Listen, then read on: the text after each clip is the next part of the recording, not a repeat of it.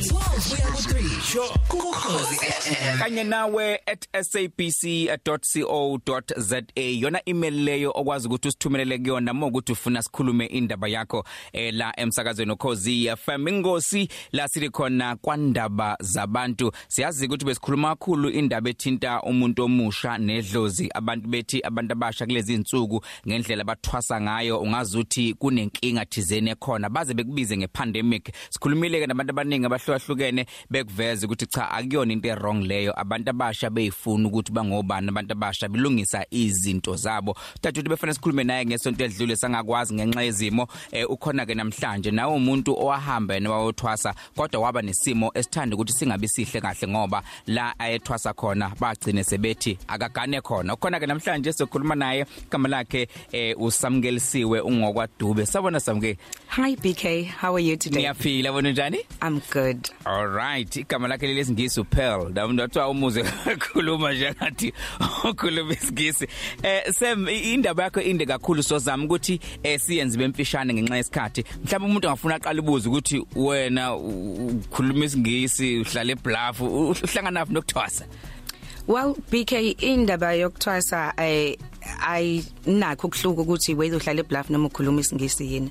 So for me what happened noma into eyangiholela khona ngasho ukuthi inkinga izinto engahlangabezana nazo eh because as isikhula hamba khamba nawe ube nezinto osuyibona ukuthi okay ukuthi fanele ngabe sekuyenzeka but mina kungenzeki.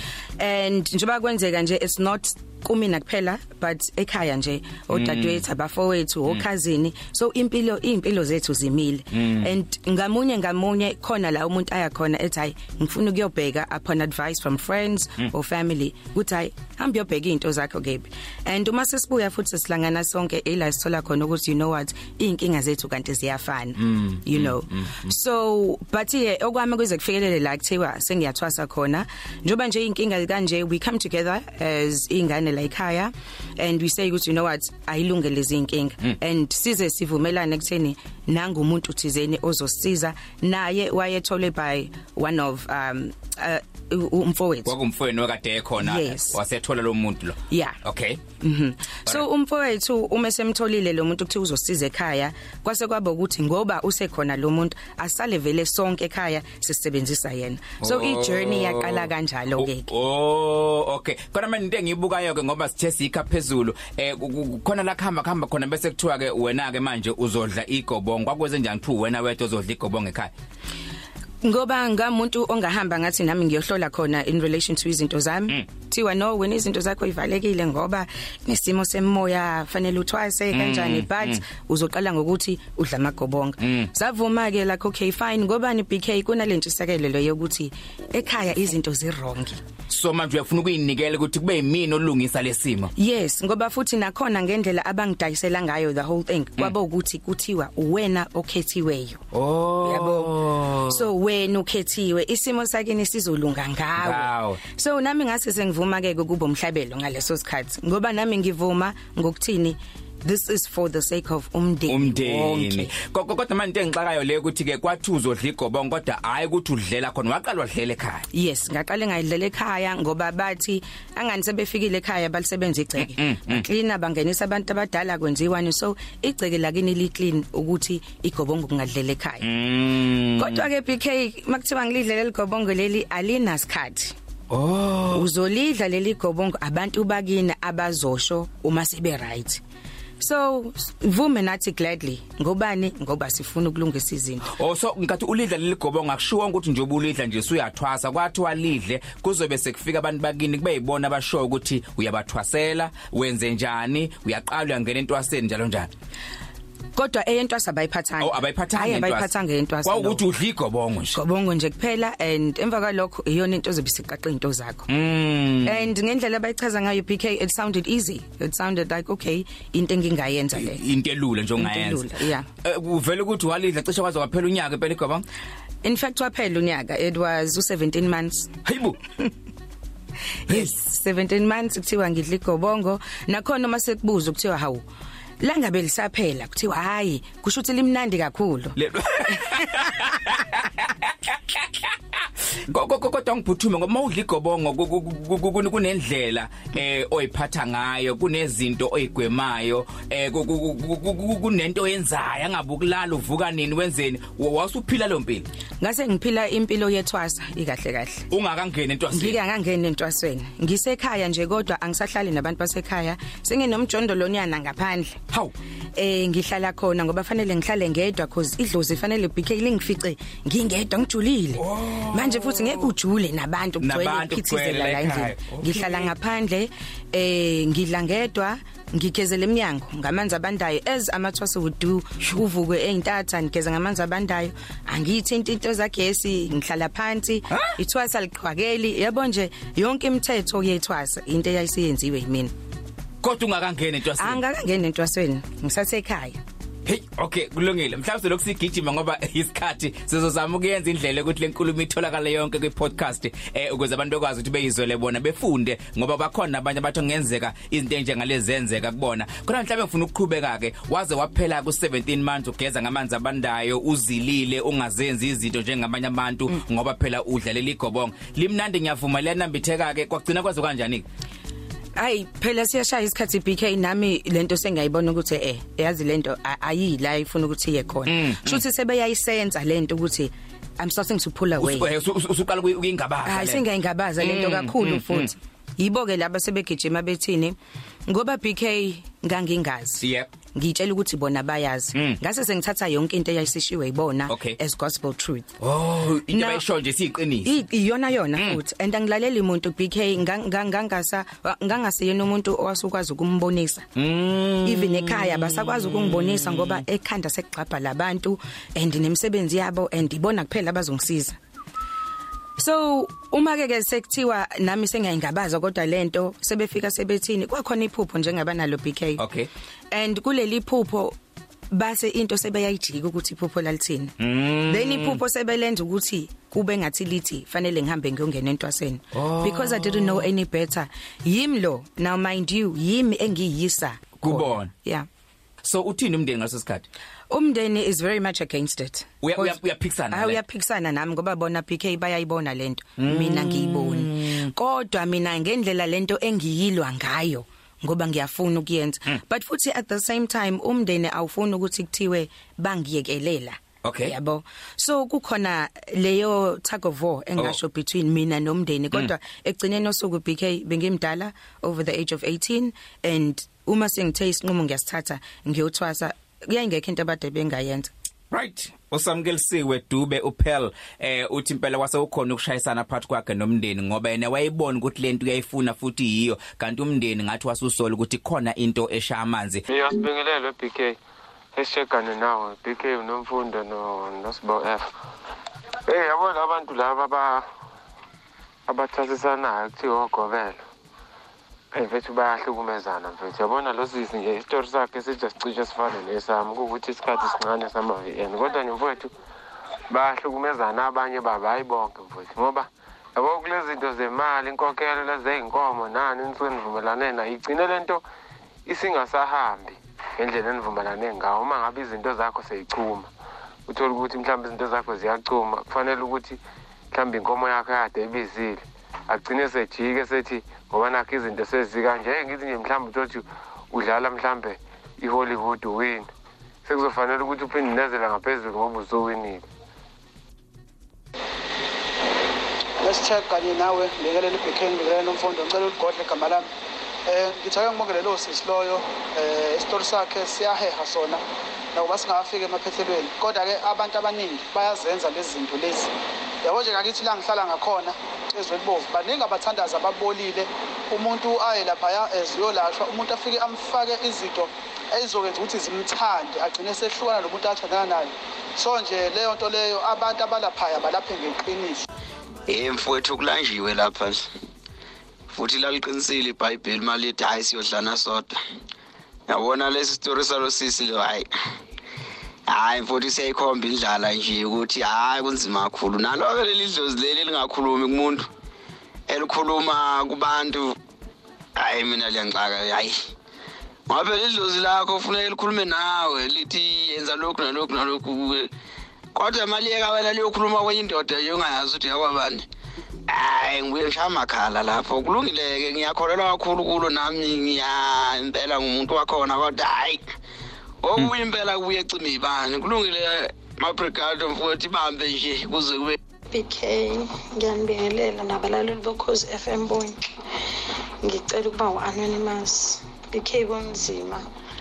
Mina usisi wami ukuleyo nkinga kangangokuthi uhambile wayedla igobo ngokulowo muzi.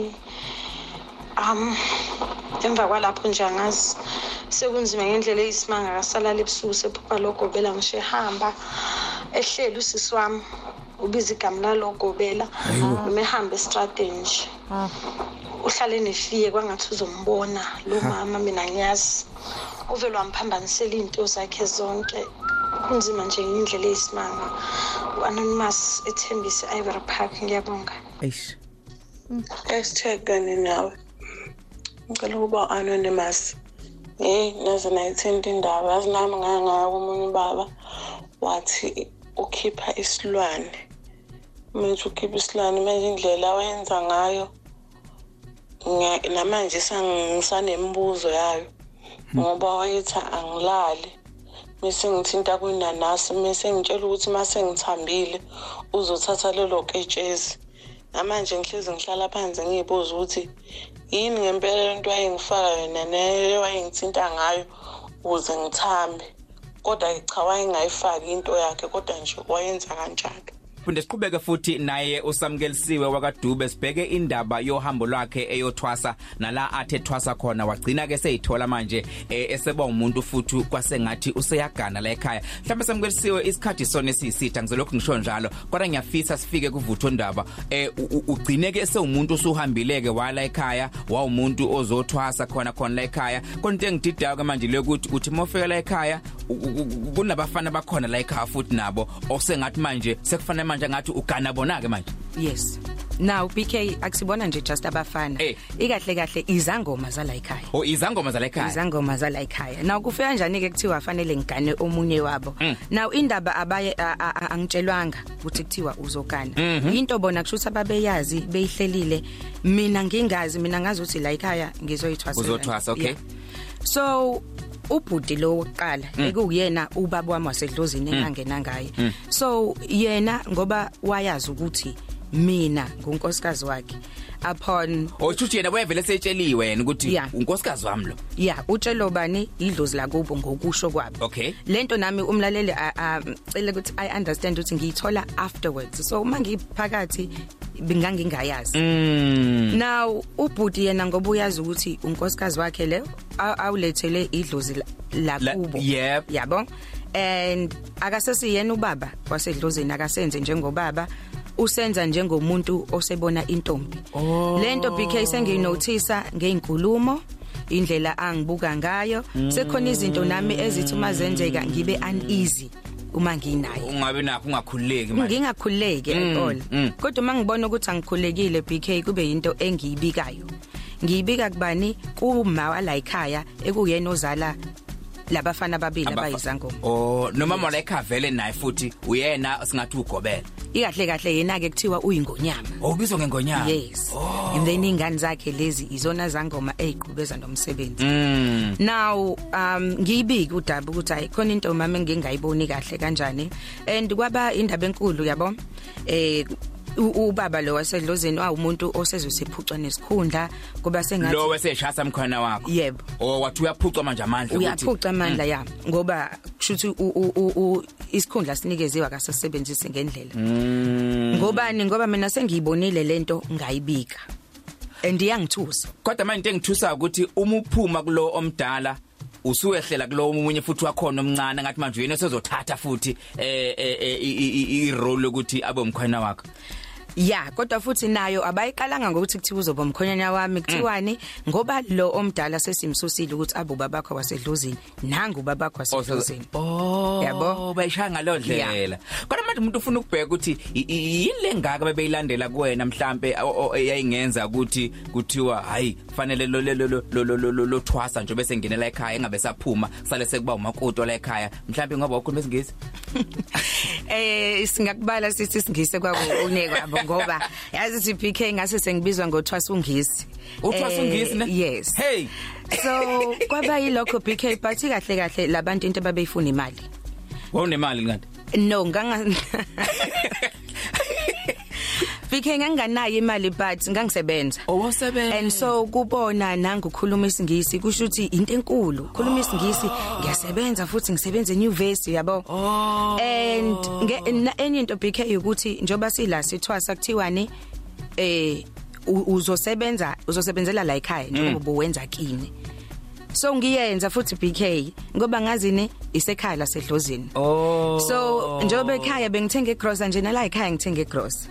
Ekhaya uma bade ngisiza uma nala ekhaya ngisiza uma. Ha. So bayabona ukuthi no lo angeke azasilahlekele kanje.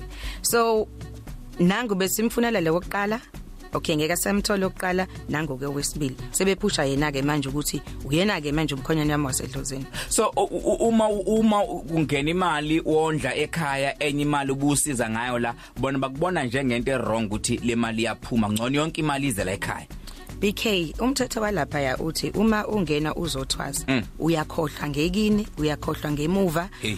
Ukhohlwe abantu bakho bonke ngobani idlozi linomona alifuna ukubangiswa. Ha. so wena njengoba uzothwasa fanele uthando lakho lonke lunikeze idlozi.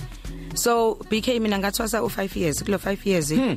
abantu basekhaya ngibazi. Njoba ngithi abantu basekhaya ngishiye nengane ngayishiya ina 7 ingane yakho? Ya ingenyama ezalwe yimina. Ngashiya ina 7 ngibuyisa ina 11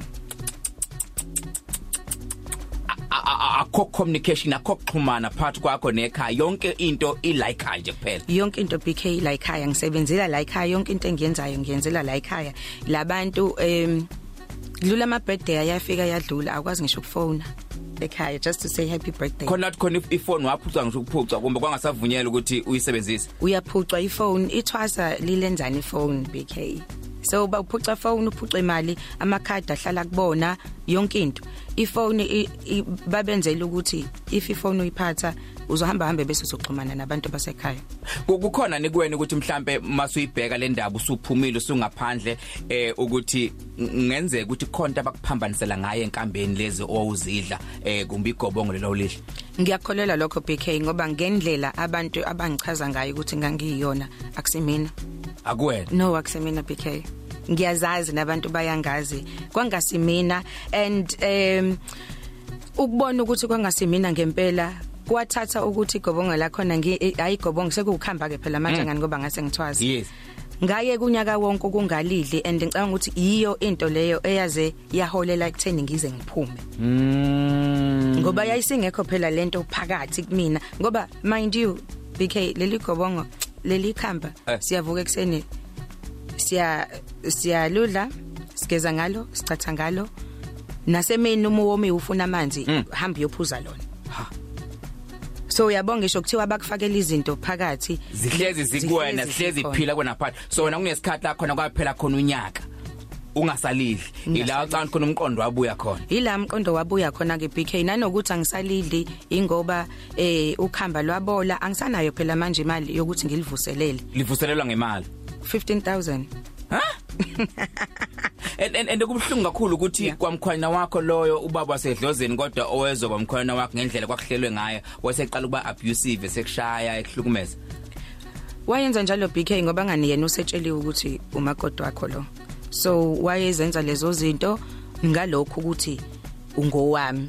So la ekhaya mina ngisaphila ukuthi ngiyithwasa kuphela but ngiyithwasa kodwa futhi ngigoyile la ekhaya ngoba ngumakoti. So kuhlangene nje kuhlangene konke. And yeah wayengishaya hey Sikha phezulu lendaba inde kakhulu and ngeke safika nokuthi waphuma kanjani ke manje usuphuma ngaphandle kubabwakha abangani bazama kanjani ukuhlanganisa imali bezokhipha kodwa ngicabanga ukuthi into umuntu afuna ukuyiveza ukuthi ukuthwasa kwakho kwagcina kungahambanga kahle ngoba wagcina unga- ungaphothulanga wagcina ungabanga nalento wafanele ube yiyona wagcina uyekile. Mhlawumbe umuntu angafuna ukubuza ukuthi u- unayo yini inzondo ngokuthwasa kumbe ukubona ukuthwasa njengento e-wrong noma uthi wena no ukuthwasa indlela yethu thina njengama-afrika kumele siphile ngayo uma ukuthi umuntu ubizelwe kuyona. It's just that kumbe ukuthi nje wena waqondana nabantu aba-wrong.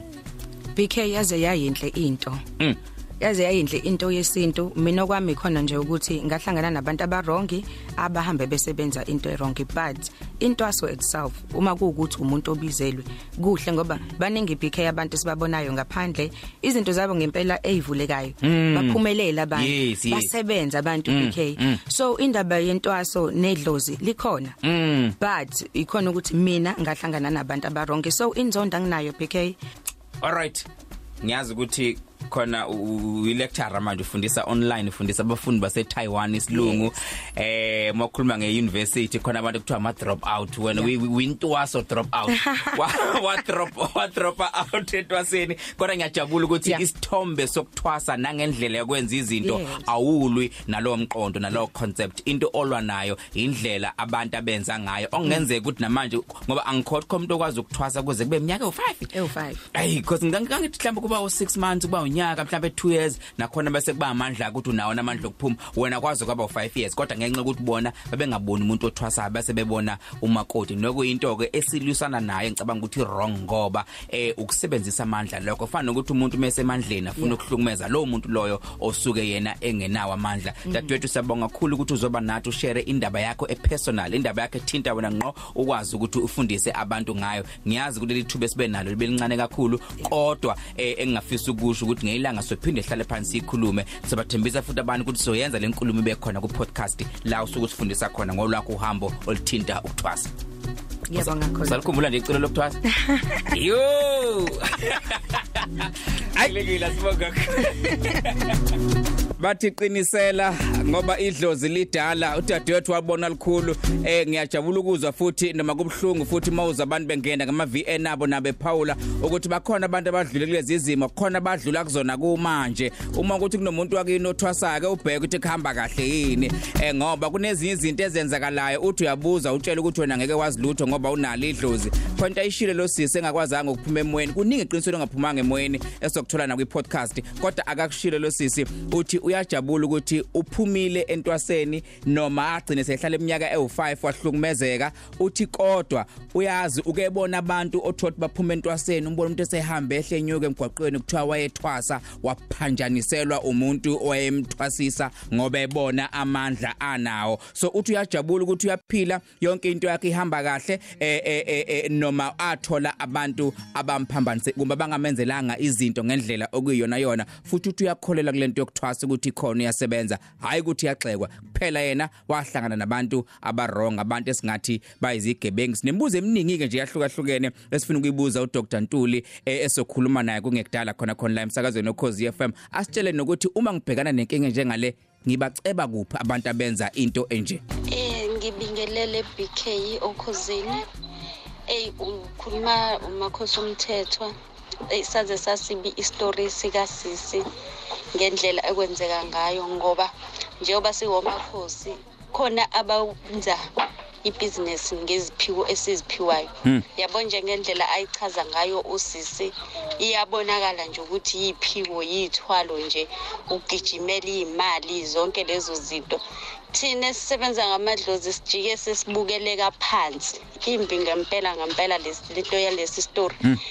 Siyasihlukumeza kakhulu thina singabelaphi bendabuko. Ngiyabonga bk PK ngicela ukuphendula usibomi ya isangoma kuyenzeka sikhulelwe ya.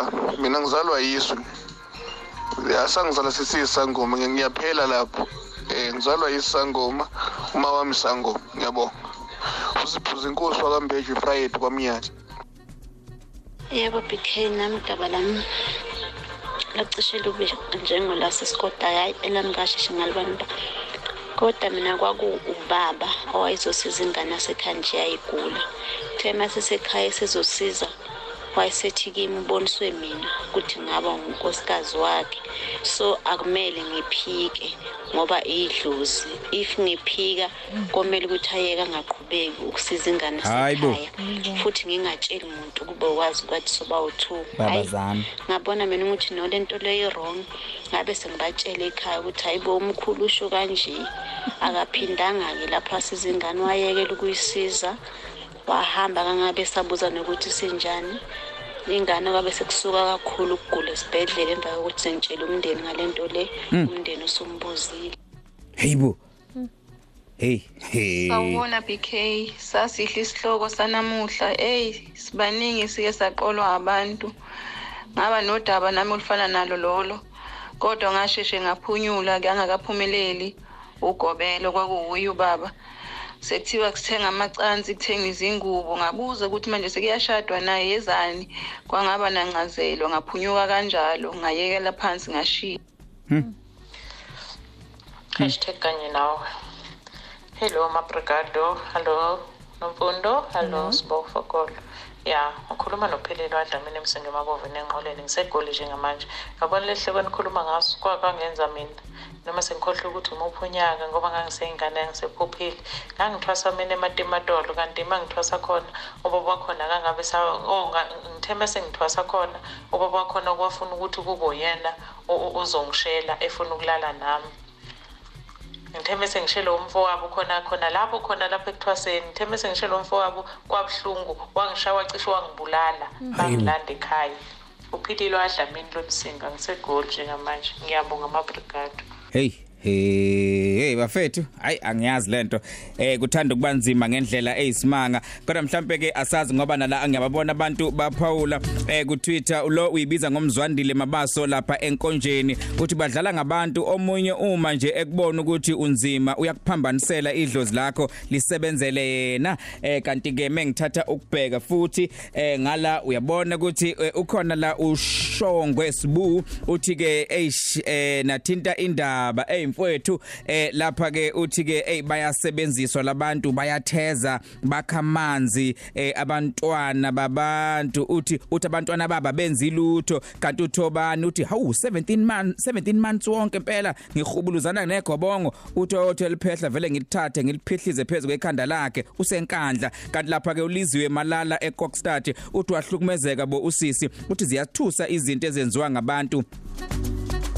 Esibathembile ukuthi ibona abazi konke emasi okay kodwa uthi eh, kanti bazoshaya eceleni. Uthi ke uthi uyajabula wagcina eshiye phansi necount nomndeni wajabula mefika ekhaya. Kanti ukhona ungwakamngoma uthi yabona ke manje big mfowethu eh, ugobela lento abenzayo impi ngoba eh, yakha isithombe esimbi kwezinye izinyanga ngoba manje sezizongaze thembi phela manje izinyanga ezilungile eh so gcina sesizisaba ngenxa nje yogobela njengoba ngeke ngasho ngathi laba benza okubi ngempela ibona abona lomsebenzi omhle kangaka. Kanti usabelo melizwe ngwakaxulu uthi hey mina yelapha impela uthi mina eh yelapha impela la egoli etsakane ekhaya isobuka emkhandlwini. Uthi kodwa ke uthi ke esingenayo iqini uthi thina noma ukhuluma ukuthi ke zikhona izinyanga engenalo iqiniso ezilambela kubantu. Asivale ngala eh uwiniza lo eh owakagama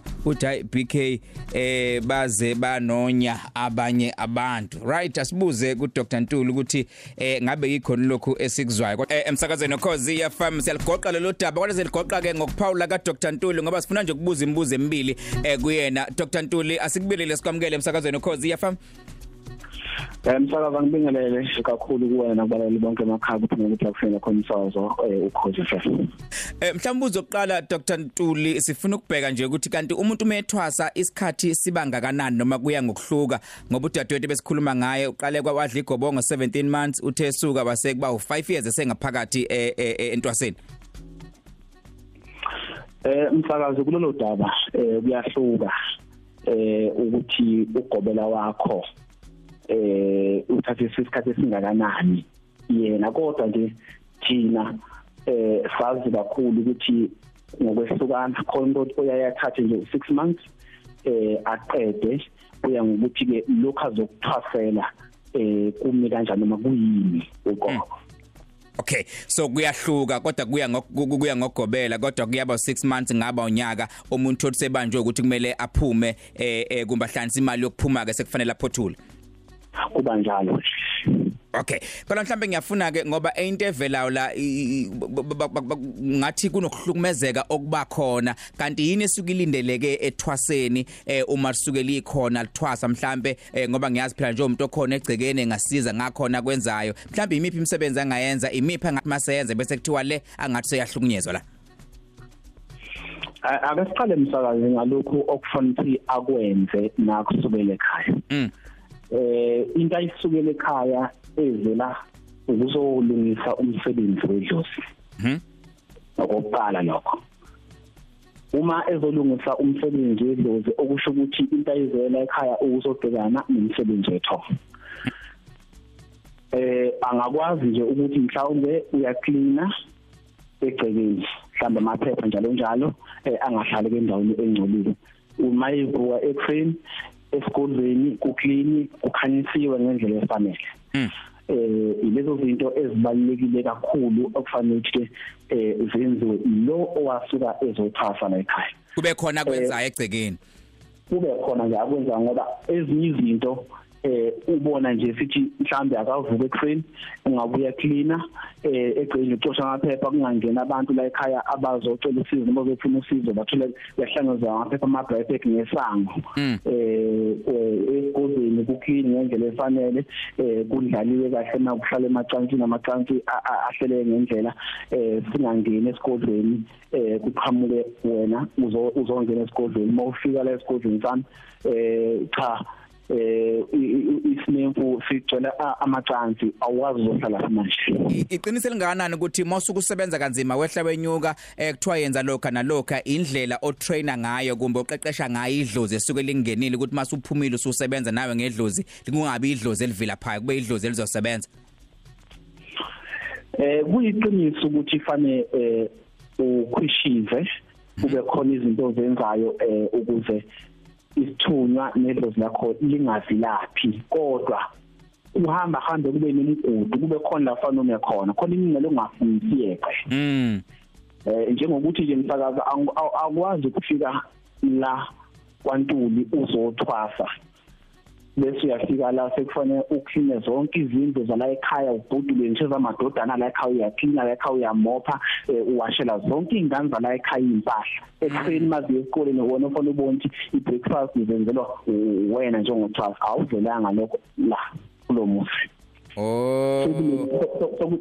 Sokusebenzisa amandla mina njengenyanga ngiwasebenzise ngendlela enga engalungile kumuntu M- m- m- mhlambe ilapho ngoba isikhathi sibuye sihluphe ile efuna ukuvela ukuthi uma ukuthi ngiyabona mhlambe mina ngaphandle ngoba utheme ekhuluma lo sisi waveza indaba yefoni ukuthi akavunyelwe nokuxhumana eh nomndeni wakhe ngoba idlozi linomona lifuna ukuthi agxile la eh nemali ayenze esebenza kufanele ayikhokhele la. Lokho kuyiqiniswa kangakanani? Eh umsakazi eh odabeni lokuxhumana nefoni nalapho futhi kuyahlukana. Ukhona abanye abathosifayozwa oza kwethu la kuphoceleka khona kuthiwa nje hayi ifoni la ekhaya izosebenza wena njengothwasa eh uma uthwasa ifoni mhlawumbe ingaphathwa umunye osuke khona la ekhaya uma kube fona mhlawumbe abakini njalo njalo ba- ba- ba- baxhumana lo muntu bese wedlulisela inkulumo.